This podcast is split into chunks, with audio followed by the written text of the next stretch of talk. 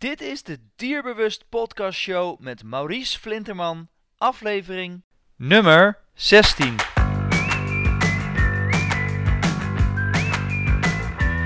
Welkom bij de Dierbewust Podcast Show, waarin je luistert naar experts die je voorzien van de beste informatie, tips en tricks op het gebied van honden.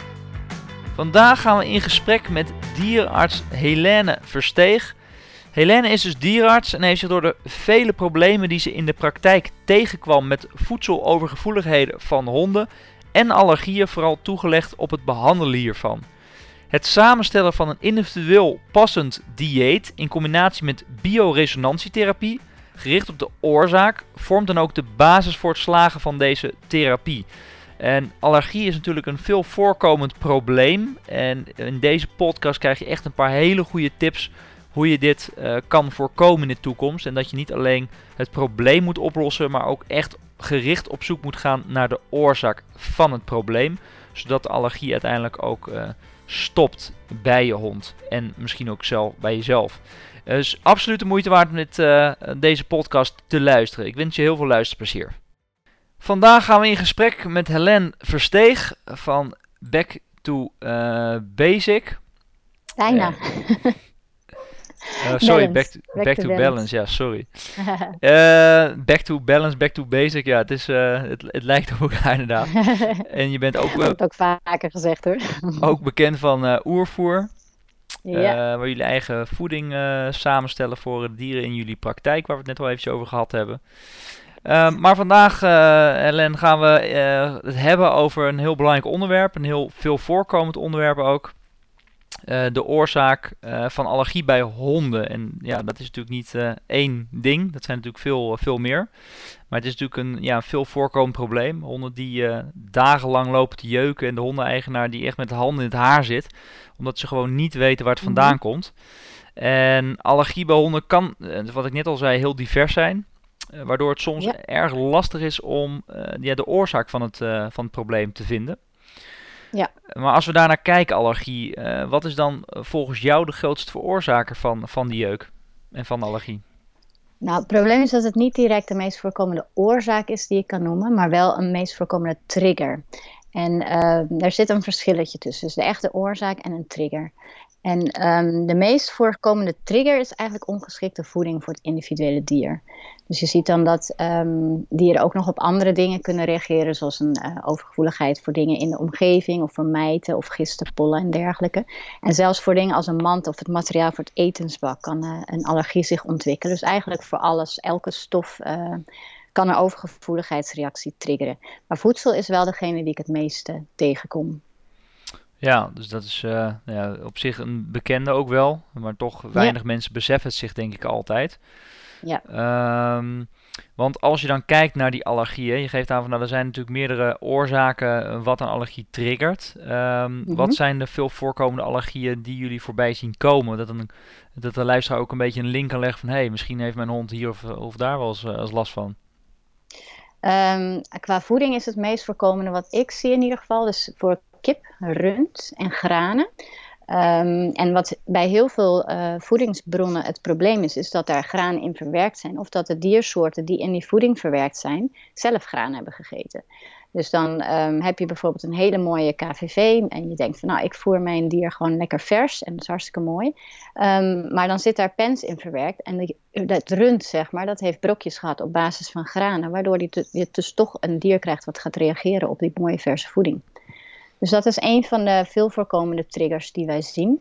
Uh, maar natuurlijk zijn er ook ja, heel veel soorten brokken die voornamelijk uit granen bestaan of andere plantaardige materialen zoals soja die gewoon het dier kunnen triggeren. Ja, waardoor je dus uh, uiteindelijk uh, de hond uh, last blijft houden. Ja, nu um, gebruiken jullie in de praktijk een aantal, of zetten jullie een aantal middelen in, zeg maar, om te testen, daar hadden we het net ook eventjes over, om te zien hè, wat, wat, waar die dan allergisch voor is. Hè, door middel van uh, de bioresonantie en een scan die jullie dan mm -hmm. maken. Kun je daar uh, ja. wat, wat meer uitleg over geven, zodat iedereen daar wat meer op beeldvorming bij krijgt? Um, wat de bioresonantie betreft, bedoel je? Ja, precies. En, en hoe je ja. dat dan inzet dan bij, om op te sporen waar een hond dan mogelijk allergisch voor is. Ja, Uh, nou, is eigenlijk een vrij moderne, holistische methode. En er wordt dan gebruik gemaakt van een apparaat, een bioresonantieapparaat. Um, en hij wordt ook veel ingezet voor voedselovergevoeligheden. Sowieso om het te meten, dus om te kijken welke voedselovergevoeligheden er zitten, maar ook tegelijkertijd om het te behandelen. En vooral in Scandinavische landen zoals Zweden en Oostenrijk is het eigenlijk al vrij uh, groot en, en ontwikkeld. Maar ook landen als Duitsland en Rusland, en daar komt het ook eigenlijk vandaan, die werken daar al heel erg veel mee. Er zit in Duitsland zelfs al een heel klein ziekenhuis, een privékliniek, die echt alleen maar op basis van bioresonantie werkt. Dus het is vrij, uh, vrij groot al. Yeah. En Amerika ook ondertussen. Nou, wat het apparaat eigenlijk doet, is het meten energieveranderingen in het lichaam. En hij vergelijkt dat dan met de, um, ja, de, de frequenties eigenlijk van een gezond dier. Dus de hele methode werkt op basis van frequenties. Net als licht en geluid heeft ook elke cel in ons lichaam een eigen frequentiespectrum. Dus denk maar bijvoorbeeld aan zonlicht. Zonlicht heeft een eigen frequentiespectrum. En dat zorgt er dan voor, als het gaat schijnen, dat de kleur van je huid verandert. Dus dat doet het licht niet zelf, maar dat die, het hele frequentiespectrum van het zonlicht, dat zet um, in de huid eigenlijk een verandering aan, waardoor dat pigment aangemaakt gaat worden. En die huid dus verandert van kleur.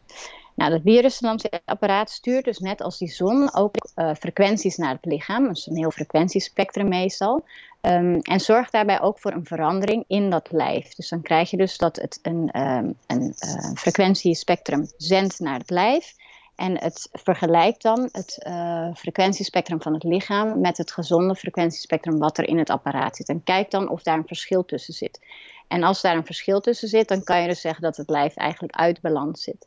En zo heeft elk orgaansysteem zijn eigen frequentiespectrum. Dan kun je dus bij elk orgaansysteem en zelfs nog dieper, bij elk soort cel, um, kan je dus gaan meten of daar een verschil in zit. Dus een zieke darmcel heeft een andere, ander frequentiespectrum dan een gezonde darmcel. En zo kan je dus elk orgaansysteem eigenlijk langs gaan. Maar je kan dus tegelijkertijd ook kijken welke voedingsmiddelen zorgen voor disbalansen in het lijf. Dus dat is eigenlijk een beetje hoe dat in grote lijnen werkt.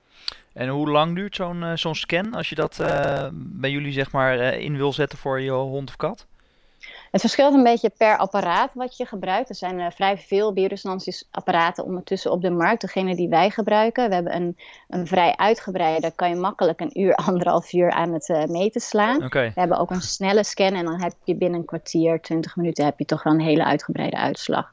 Dus het ligt er een beetje aan wat je wil meten, wat we gebruiken.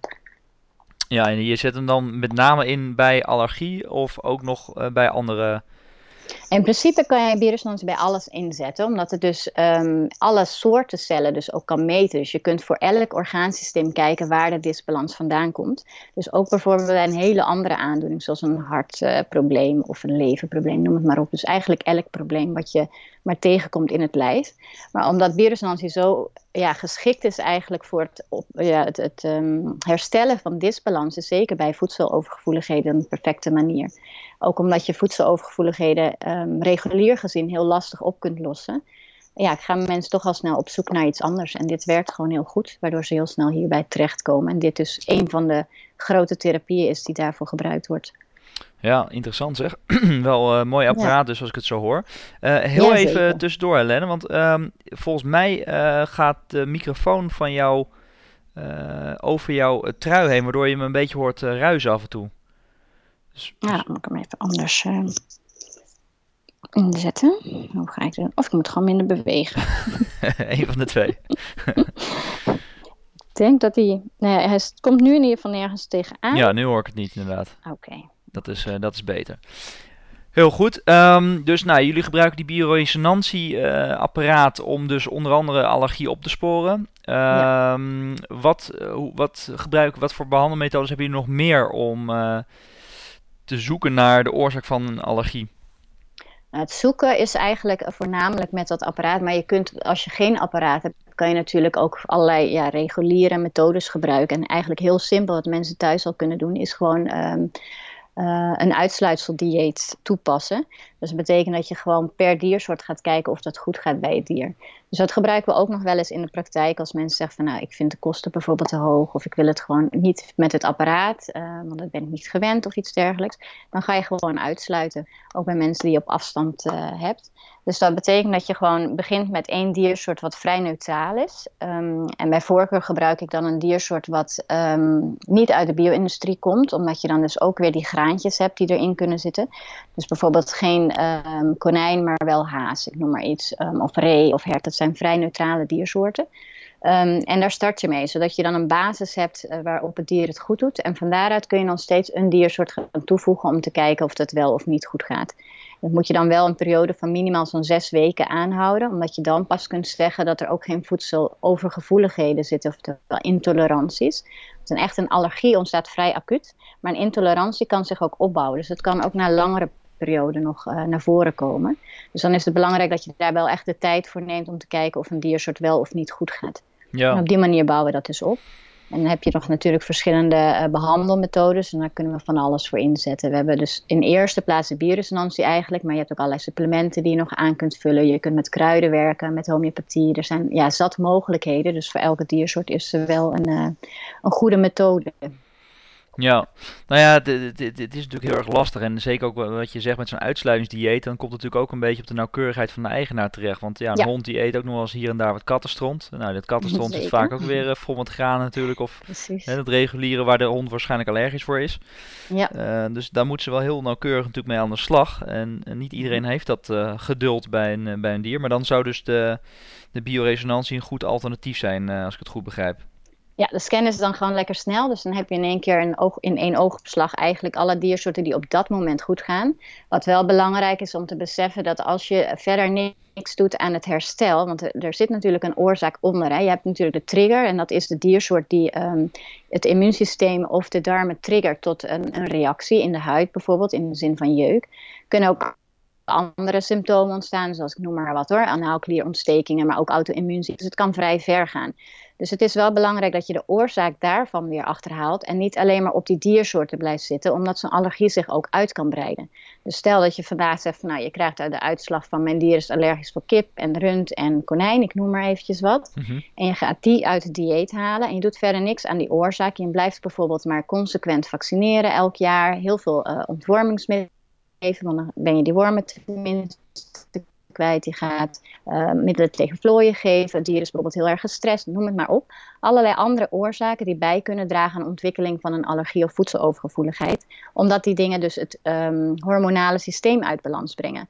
Dus het gaat er wel om dat die basis ook in balans moet zijn. Want doe je dat dus niet, dan kan het dus zijn dat hij een andere allergie gaat ontwikkelen. Of dat de allergieën zich uit gaan breiden. Of dat je andere symptomen gaat krijgen. En dan krijg je dus mensen die zeggen van ja, hallo, die therapie die werkt voor geen meter. Want het dier is gewoon weer allergisch. Dus het is gewoon heel vervelend als je niet die basis aanpakt. Dus als wij aan het werk gaan met mensen in zo'n um, ja, behandelingstraject eigenlijk, beginnen we bij die basis. We gaan kijken welke diersoorten gaan op dit moment goed. Uh, daar gaat het dier op. Maar ondertussen moet er wel gewerkt worden aan die basis. Dus ze krijgen een hele uitleg. Maar dit mogen ze wel doen. Dit kunnen ze beter niet doen. Dat kunnen ze beter laten. En op die manier bouwen we dus eigenlijk het, um, ja, het leefsysteem van het dier op. Dus er moet een heel, um, je hele levensstijl moet als het ware aangepast worden. Dus hetzelfde als de mensen die uh, bij wijze van spreken elke keer naar de McDonald's gaan, die moeten ook een levensstijl omgooien als ze van een probleem af willen. Of als je wil afvallen, ik noem maar iets. Dus het gaat om een hele levensstijl die je aanpast, in plaats van alleen maar één of twee diersoorten uit het dieet halen. Ja, omdat het dan waarschijnlijk op de korte termijn misschien wel even eh, iets oplost, maar op de lange termijn natuurlijk niet. Exact. Maar goed, het is best lastig, want uh, ik weet uh, als geen ander dat als je je ritme wilt veranderen, uh, je toch minimaal zo'n zo'n 30 dagen eigenlijk elke dag iets zou moeten doen om het zeg maar te veranderen. Um, mm -hmm. is, is dat dan te doen? Voor mensen? Nou, voor de, meeste, ja, voor de meeste mensen is het juist makkelijker dan voor zichzelf. Want je, um, je kunt heel makkelijk het dieet beïnvloeden van je dier. Je hebt um, ja, de, de voeding heb je klaar liggen. Ehm, en zolang je met jezelf afspreekt van ik ga alleen maar die extraatjes geven die goed gaan bij de dier, want dat heb je, hebben we dan besproken, dit en dit en dit kan je wel geven. En we zoeken ook altijd naar extraatjes, zodat mensen niet het gevoel hebben dat ze een dier alles moeten ontzeggen. Maar het is wel belangrijk dat je daarnaast gaat kijken van hoeveel beweging heeft het dier nodig, um, waar moet ik op letten dat hij inderdaad niet die kattenstront gaat eten, of uh, samen met het andere dier uit de bak mee eet. En heel veel mensen willen een dier een koekje bij de koffie bij wijze van spreken geven. Dat je dan pakt uh, de snack snackpak die we afgesproken hebben. En niet toch dat ene koekje of iets dergelijks. Dus zolang je zelf goed blijft kijken, um, is het voor mensen vaak makkelijker te doen dan voor zichzelf. Want als je voor jezelf gaat kijken, ja, dan is de verleiding natuurlijk heel groot als uh, een pak koekjes ligt. Maar het dier kan het niet zelf pakken als het goed is. Dus ben jij degene die in control is en gewoon dat voor je dier kunt uh, beslissen. Ja. En Helene, je geeft net aan van je hebt een bepaalde basis uh, waar ze dan naar moeten kijken. Daar krijgen ze documentatie mee, als ik het zo uh, goed begrepen heb. Ja, waar bestaat die basis? Kun je daar een, zeg maar een hoofdlijn van, van aangeven? Nou, in eerste instantie starten we dus gewoon weer met die voeding. Um, vervolgens kijken we naar um, dus weer die levensstijl. Dus belangrijk dat er zo min mogelijk belasting is voor het lichaam. Dus we kijken naar uh, niet jaarlijks vaccineren, maar vaccineren op maat. Dus daar waar het echt nodig is, ga je vaccineren. En het liefst gebruiken we dus de titerbepaling in plaats van te vaccineren. Uh, maar ook dingen als ontworming. Ga niet standaard ontwormen, maar ga gewoon eerst uh, is een, een ontlastingsonderzoek doen en eens of ontwormen echt nodig is. Eigenlijk allemaal dat soort dingen. Dus dat mensen een idee krijgen van nou, hoe, heb ik nou een, hoe bouw ik nou een gezond uh, lichaam op zonder al te veel belasting. Dus belasting moeten we zoveel mogelijk wegwerken. En van daaruit kunnen we dus gaan kijken van oké, de, uh, de basis is nu goed, uh, de voeding is goed. En wat voegen we dan nog toe om bijvoorbeeld tekorten um, op te lossen? Je hebt mensen die bijvoorbeeld niet op verse voeding willen, maar per se op een brok willen. Nou, dan zoeken we een zo goed mogelijke brok uit, zodat die basis ook goed is. Maar dat moet dan bijvoorbeeld weer aangevuld worden met een goede kwaliteit probiotica of verteringsenzymen, ik noem maar iets. Um, dus het is ook weer per dier verschillend wat het dier nodig heeft en hoe we die basis een beetje aanpassen. De basis wordt altijd gevormd door goede voeding en van daaruit ga je kijken wat er individueel per dier nodig is om het uh, compleet te maken. Ja, dus uh, wat jou betreft komt toch de grootste allergie uh, uit dat circuit. En we hadden ja. het net heel even over belasting. Hè, want ik ben het helemaal met je eens dat je mm -hmm. ja, het lichaam van het dier gewoon zo min mogelijk moet belasten. Want dan zie je gewoon dat het immuunsysteem het zwaar krijgt. En inderdaad dan bepaalde signalen gaat, gaat vertonen van hé, hey, ik kan het niet aan. Um, dan heb je het over ontwormen, dan heb je het over goede voeding en uh, geen vaccinatie. Maar het onderwerp wat we ook, wat, wat waren uh, dierbewust, waar wij veel aandacht aan hebben besteed de laatste tijd, zijn ontvlooien en uh, tekenmiddelen, chemische. Ja. Yeah. Wat, wat, yeah. dat valt daar dan ook onder? Ja, is absoluut. Um, kijk, in feite heb je al die uh, vlooien en tekenmiddelen. Um, die vormen een belasting niet alleen voor die teken of die flow, want die wil je natuurlijk dood hebben. Um, en die tasten vaak het zenuwstelsel aan van dat soort beestjes. Dus in hele kleine mate doet dat dus ook met je hond.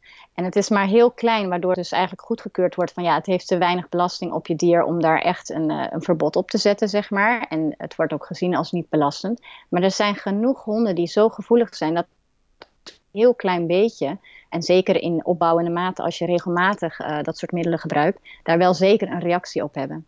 Um, dus dat zie ik ook vrij vaak terugkomen in de, uh, in de scans.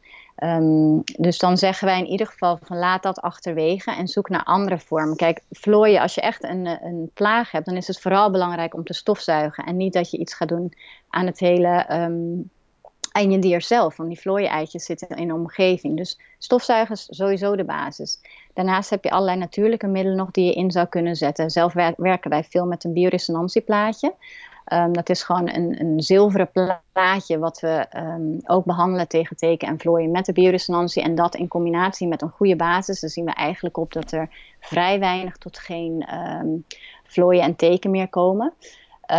Nou, stel dat mensen zeggen van nou dat vind ik allemaal uh, niet, uh, niet iets wat ik wil gebruiken en ik wil gewoon echt een middeltje hebben, dan heb je ook gewoon natuurlijke um, oliën. Um, er is zo een middel als diatomee in aarde wat je kunt gebruiken. Dus er zijn genoeg natuurlijke alternatieven om ja, chemische middelen eigenlijk niet te hoeven gebruiken. Ja, nou ja, daarin merk ik ook dat het vaak te, maken heeft met het inzicht. Hè? Want heel veel mensen beseffen zich gewoon niet dat het uh, een ontzettende belasting is en dat het uh, dat gif in de bloedbaan terechtkomt van het dier. Uh, nou ja, ja. daar heeft een, een take of een flow die gaat daardoor dood. Maar ja, je moet je ook kunnen voorstellen van ja, wat voor belasting heeft het dan op het lichaam? Want er zit eigenlijk gewoon vergif, stop je in je ja. hond.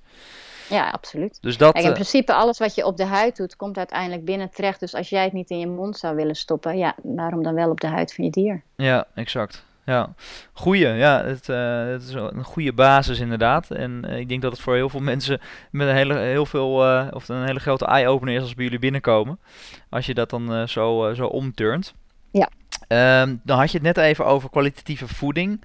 Nou, daar hebben we hm. natuurlijk ook al heel veel over geschreven. er zijn ook heel veel verschillende meningen ja. over.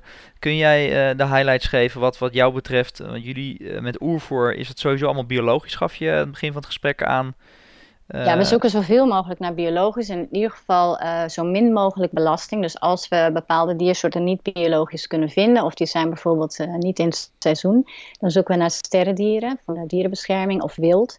Dus in ieder geval zo goed mogelijk. Dat is in ieder geval ons streven.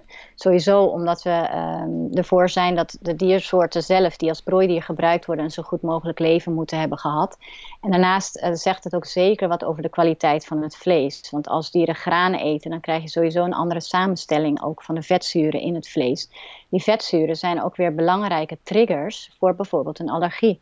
Dus heb je dieren die um, heel veel granen eten, krijg je dus bijvoorbeeld een hele andere omega-3, omega-6 verhouding. Wat dus weer kan zorgen voor allergiereacties uh, bij jouw hond of kat.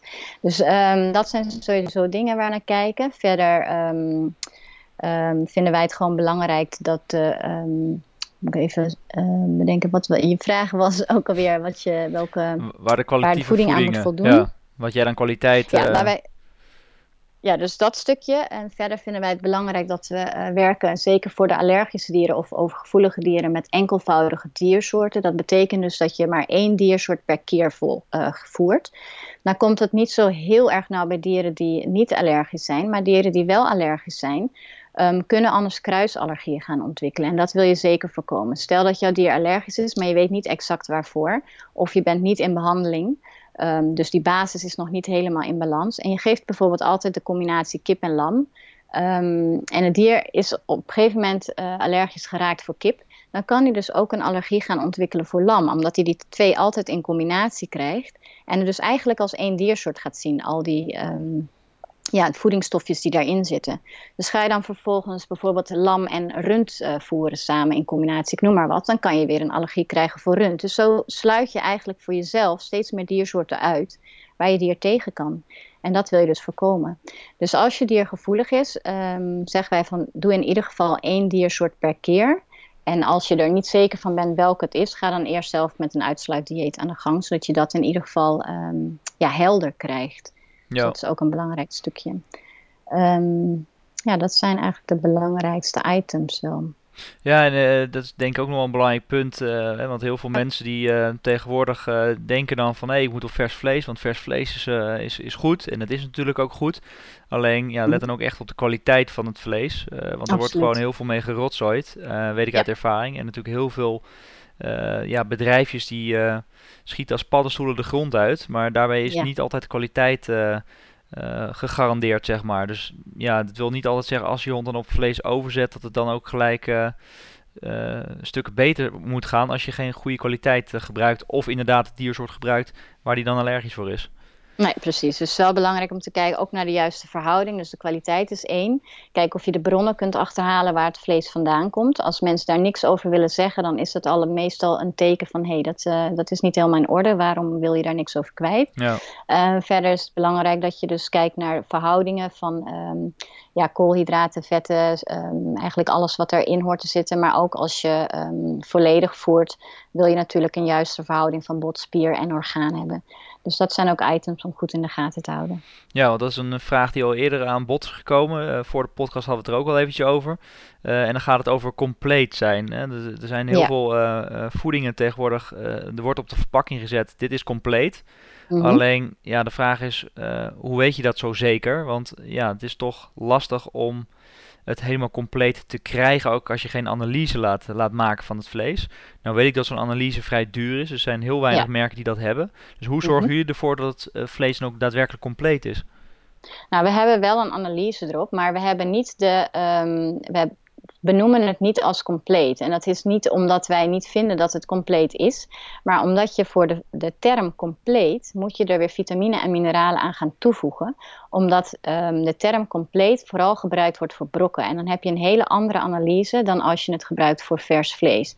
Dus voor vers vlees is er nog geen andere. Um, zijn er nog geen regels omtrent wanneer mag je het compleet noemen of niet. Op dit moment zijn die dus hetzelfde als voor de brok. En omdat je daar dus eigenlijk uh, niet helemaal aan kan voldoen als versvoerder zijnde, willen wij dat niet noemen als zijnde compleet.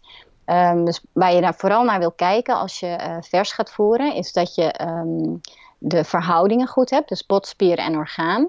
En dat je daarnaast um, um, geen toevoegingen hebt aan chemische vitamine en mineralen. Want dan ga je die dus alleen maar toevoegen om te kunnen voldoen aan die term. En dat is niet de bedoeling waar, ja, dat is niet waar het om gaat. Het gaat erom dat je zo zuiver mogelijk voert met zoveel mogelijk variatie.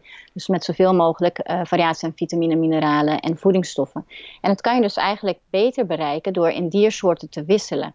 Dus niet elke dag hetzelfde te geven. Ik bedoel, wij leven ook niet elke dag op een salade als we gezond willen eten, maar je varieert zoveel mogelijk. En door die variatie krijg je dus een grote hoeveelheid aan vitamine en mineralen binnen. En ben je dus eigenlijk nog mooier compleet dan wanneer je elke dag hetzelfde geeft met een chemisch vitaminepreparaatje erin.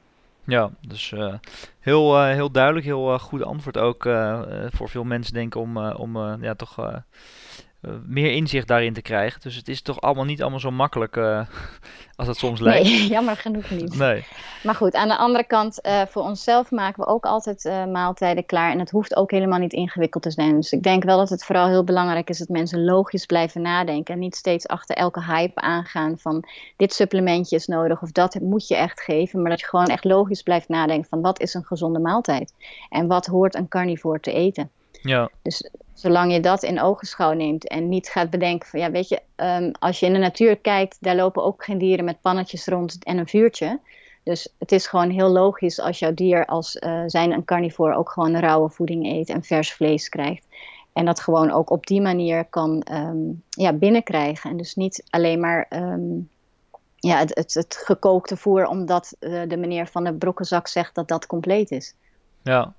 Ja, inderdaad. Of dat het inderdaad voor een uh, hond is met lang haar en uh, die zakken voor een hond met kort haar. Juist. Voor een bepaald ras. Um, Juist. Even, uh, want als je daar naar kijkt, um, ben ik even een vraag kwijt. Qua voeding. Um, nou, laat ik het anders stellen. Je hebt, je hebt de allergie. je hm. kijkt naar voeding. Nou, je hebt alles uitgesloten. Je hebt de, de, de juiste voeding. je hebt op een gegeven moment geen belasting meer qua vaccinatie, uh, ontwormen, dat soort zaken laat je ook weg. Maar de hond hm? blijft allergie houden. Wat ja. zijn er dan nog andere oorzaken uh, waar je naar kunt kijken? Nou, er zijn in principe nog heel veel oorzaken waar jeuk vandaan kan komen. Um, nou, ik denk bijvoorbeeld gewoon aan dingen als vlooien en dergelijke, gewoon heel simpel. Maar wat ook heel veel voorkomt, is dat um, niet zozeer er een, een, reactie is vanuit het immuunsysteem, maar vanuit de stofwisseling. Dus dan spreken we niet zozeer over een allergische reactie, maar een voedselintolerantie als het ware. Dus het lichaam tolereert die voeding niet goed. Het kan komen door uh, een vroegere trigger. Wat ik heel veel zie in de praktijk is dat, um, dat kan je dan met de viruslansen heel mooi meten. Dat bijvoorbeeld alleen maar een eerste vaccinatie al zo'n danig um, disbalans brengt in bijvoorbeeld het hormonale systeem, dat die hele stofwisseling niet goed meer verloopt. En wanneer de stofwisseling niet goed verloopt, dan krijg je dus een disbalans in je eiwitstofwisseling, in je koolhydraatstofwisseling of in je vetstofwisseling. Nou, als je bijvoorbeeld een, een eiwitstofwisselingsstoornis hebt, dan kan je dus voeren wat je, wat je wilt voeren, maar elke diersoort ja, bestaat uit eiwitten, of je het nou uit een zak geeft of uh, vers. Dus dat betekent dat um, jouw dier moeite heeft met het verteren van eiwitten. Nou heb je regulier gezien, um, of nou ja, vanuit de brokkenfabrikant heb je daar mooie oplossingen voor. Dan heb je dus plantaardige brokken. Maar goed, het blijft een carnivoor, dus uiteindelijk zal die tekorten gaan ontwikkelen in dierlijke eiwit. Je wilt toch dat die, um, dat die bronnen eigenlijk zo mooi mogelijk en zo makkelijk mogelijk worden ingebouwd door dat lijf. Dus dat betekent niet dat je um, de symptomen gaat aanpakken door geen eiwitten meer te geven in dit geval, maar dat je dus gaat zorgen dat die stofwisseling beter verloopt. Dus in elk geval gaan we zoeken naar de oorzaak. Dus wat is de oorzaak van de stofwisselingsstoornis. Is dat een uh, vetstofwisselingsstoornis, een koolhydraatstofwisselingsstoornis of een vetstofwisselingsstoornis? En wat is daar dan weer de oorzaak van? Dus moet je dus bijvoorbeeld een, een um, vaccinatie gaan ontstoren, moet je de, uh, het hormoonsysteem in balans brengen. Um, moet je bijvoorbeeld kruiden gebruiken om de stofwisseling weer in, juist in balans te brengen? Of heb je bioresonantie nodig? Dus bij elk dier kijk je weer gewoon heel specifiek wat heeft hij nodig. Maar inderdaad komt het heel veel voor dat dieren um, gewoon geen allergische reactie meer vertonen, geen acute jeuk, maar wel in de loop der tijd weer een probleem gaan ontwikkelen. En dan zie je dus vaak dat die stofwisseling daar een oorzaak van is. Ja, en dan probeer je eigenlijk dus het lichaam weer tolerant te krijgen voor bijvoorbeeld uh, dat eiwit wat je net uh, noemde. Ja, je probeert die stofwisseling weer juist in balans te krijgen. Wat je dus in combinatie daarmee, of bijvoorbeeld ook in combinatie met allergieën vaak ziet, is dat de weerstand verlaagt. Um, waardoor je bijvoorbeeld weer dier weer vatbaar wordt voor dingen als mijten en gisten en dergelijke. En dat kan ook heel veel jeuk geven. Dus dat zijn ook dingen die vaak in combinatie voorkomen. Dus soms denk je het één opgelost te hebben en dan blijft het toch een beetje sudderen. En dan is het gewoon belangrijk om toch verder te gaan kijken. En niet te zeggen van het werkt niet, maar te kijken wat is er bij dit dier nog meer aan de hand en hoe kunnen we die balans gaan optimaliseren. Ja, dat, uh, ja dan, waardoor je uiteindelijk de hond uh, weer terugkrijgt, uh, wel in balans, waardoor die dus ook geen last meer, meer heeft. En ja. de vraag die ik net wilde stellen, um, die komt weer boven, want je gaf net aan van nou, we geven dan vaak rauwe vleesvoeding, zeg maar, dus KVV of, of BARF. Ja. Um, maar wat doe je als een hond daar niet goed op gaat? Wat zijn dan de alternatieven? Want ik begrijp dat jouw voorkeur uitgaat naar vers vlees. Ja, in principe wel. Kijk, ik zeg wel altijd van ja, um, elke species, elke diersoort eet waar die voor gemaakt is. Dus dat betekent wij als mens gaan ook geen gras eten. Daar zijn wij gewoon niet voor gemaakt. Een koe geef je geen vlees en een hond geef je geen granen. En een hond geef je het liefst ook niet plantaardige producten en ook niet gekookte producten. Want in de natuur zou die ook niet met zijn pannetje rondlopen. Dus dat systeem is het beste gemaakt om um, rauwe voedingsbronnen te, um, te verwerken. Nou zijn er wel dieren die gewoon wat slechter reageren op rauw. En het komt vaak omdat die darmen daar gewoon nog niet toe in staat zijn. Dus dan is het gewoon heel belangrijk om die darmen te gaan optimaliseren en om daaraan te werken. In die tussentijd, op het moment dat het nog niet zo goed gaat, zou je dus kunnen uh, werken met uh, toevoegingen, zoals probiotica of uh, enzymen, om die darmen gewoon wat te ondersteunen. En als dat ook nog niet goed gaat, dan zou je dus kunnen werken met um, ja, hele neutrale brokken eigenlijk, die um, ja, bij voorkeur zo koud mogelijk gedroogd zijn. Want je moet je indenken dat zodra iets verhit wordt boven de 40 graden, gaan alle enzymen kapot.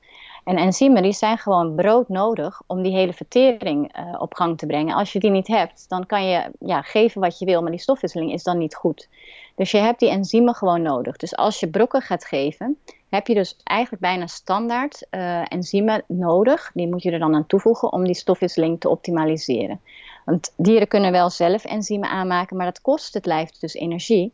Terwijl je eigenlijk juist wil dat die energie haalt uit de voeding. Dus op die manier belast je hem eigenlijk via een andere weg. Dus um, we werken wel eens met brokken, maar dan zijn het meestal brokken die vrij neutraal zijn.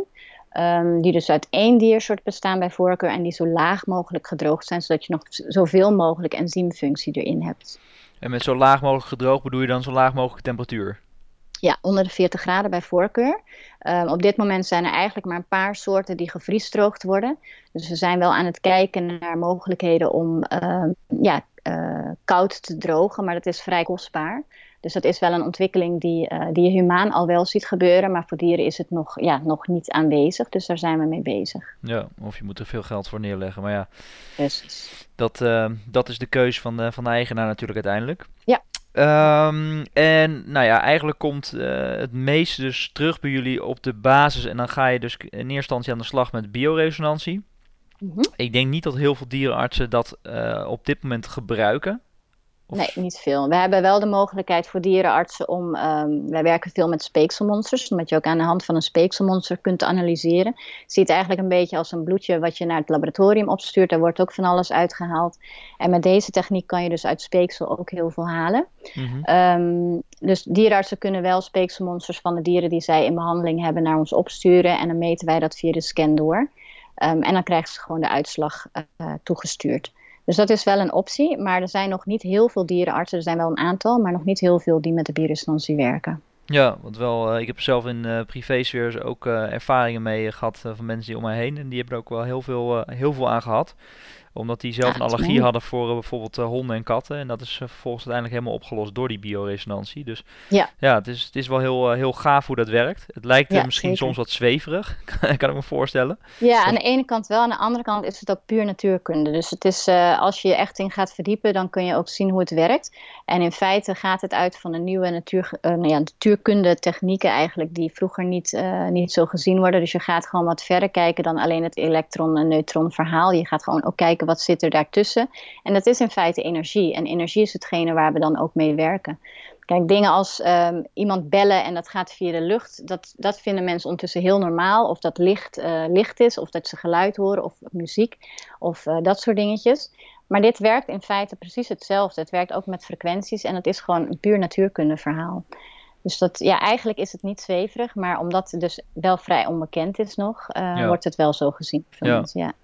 Ja, precies. En dan krijg je heel snel eh, de stempel van eh, eh, je wordt in de maling genomen, et cetera. Ja. Nou Ja. ja, ik denk altijd, maar als het werkt, dan werkt het. En dan maakt het niet uit of je in de maling genomen wordt. Uiteindelijk wil je toch gewoon dat je dier beter wordt. Dus dat, dat is dan ons streven.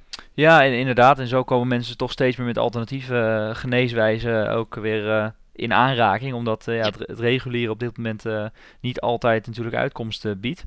Nee. Ehm, en dan eh, een van mijn laatste vragen, want anders dan lopen we, lopen we een beetje uit.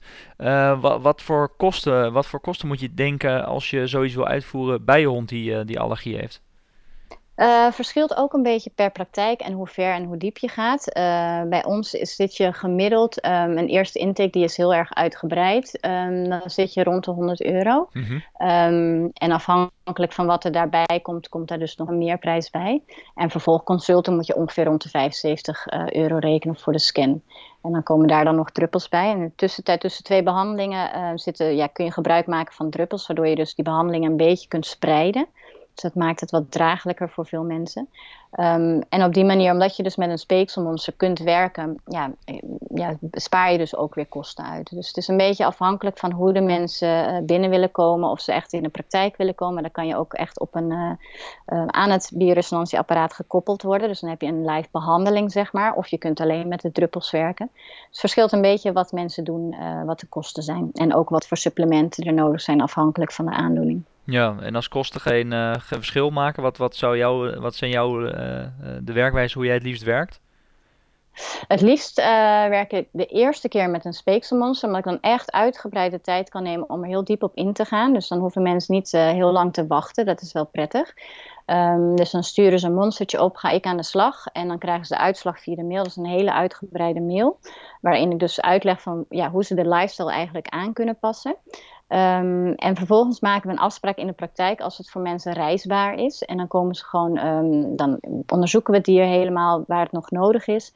Ehm, en dan kunnen ze ook gelijk op de mat zeg maar, behandeld worden aan het bioresonantieapparaat. En van daaruit gaan we kijken welke stappen nodig zijn. Als het een dier is wat echt gewoon heel veel disbalansen heeft, dan heeft het wel de voorkeur om gewoon echt in de praktijk te behandelen.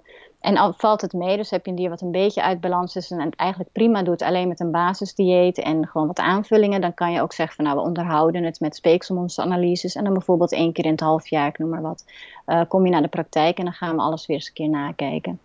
Dus ook daar verschilt het per dier, maar in eerste instantie vind ik het wel heel prettig om alles heel uitgebreid te kunnen eh, bekijken en doormeten. Ja, want eh, ja, half heeft natuurlijk geen zin, dus je moet wel Nee. je werk goed kunnen doen natuurlijk. Precies.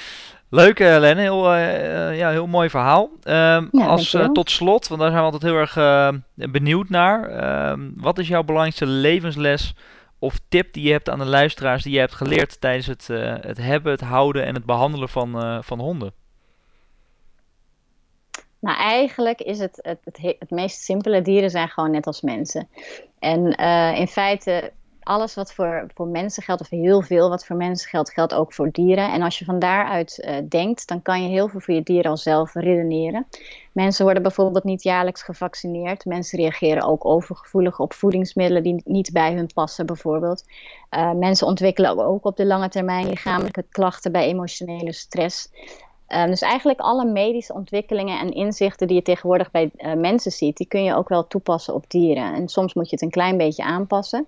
Maar het belangrijkste is gewoon vooral dat je logisch blijft nadenken. En dat je niet meegaat in alle hypes van dit is nou de, de nieuwste brok of dit is de nieuwste supplement of uh, dit heb je nodig. Maar blijf gewoon echt kijken van wat past bij dit dier en um, ja, wat, wat heeft dit dier nodig. Dus kijk gewoon heel individueel per dier wat er nodig is. Ja, dus gebruik je verstand en uh, volg je gevoel. Daar komt Juist, het op neer. daar ja. komt het op neer. ja, mooi. Dat zeg ik ook wel vaker inderdaad. Uh, en dat is wel mooi als mensen inderdaad dan uh, zelf de keuzes weer gaan maken. Dat ze denken van ja, ik, ik doe toch het beste wat bij mijn dier past. In plaats van dat ik inderdaad alleen maar op het advies van anderen afga. Ja. Dus super Helene. Um, ja, heel, heel interessant. Uh, heel uh, erg bedankt voor, uh, voor alle informatie die je weer hebt, hebt gedeeld met ons. Nou, graag gedaan. Ik vond het erg leuk. Ja, wederzijds. Dus nou, waarschijnlijk komen we elkaar vast in de toekomst nog tegen. En kunnen we misschien nog een mooi onderwerp behandelen. Precies. Nou, kijk er naar uit. Oké. Okay. Bedankt weer voor het luisteren naar deze podcast, waarin er echt hele goede tips werden gegeven op het moment dat jouw hond last heeft van allergie. Vind jij het nou interessant en wil jij een voedselovergevoeligheidsanalyse laten uitvoeren door Oervoer? Ga dan naar dierbewust.nl slash 16. Ik herhaal dierbewust.nl slash 16. En uh, krijg een korting van wel 10% gegeven door Oervoer met de kortingscode dierbewust.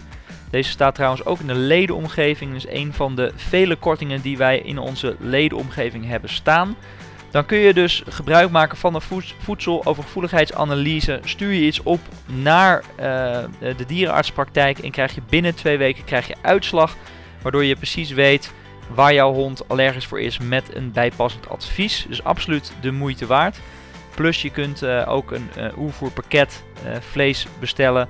Wat dan ook daadwerkelijk helemaal is uitgebalanceerd voor jouw hond aan de hand van deze analyse. Dus zeker interessant als jouw hond last heeft van allergieën. Wil jij nou meer weten over dit lidmaatschap waar je meer ledenkortingen krijgt, meer workshops kunt volgen online als lid en nog vele dingen meer. Je hebt onder andere een bioscoop waar je hele goede video's kunt kijken, waar het bewustzijn van en voor jouw hond uh, je ja, in ieder geval vele malen vergroot. Ga dan naar dierbewust.nl slash lid. Daarin zie je alles uh, uh, wat je kunt vinden als lid. En anders hoop ik je uiteraard natuurlijk bij de volgende podcast weer te mogen verwelkomen om het volgende onderwerp te gaan behandelen. Ik dank je wel.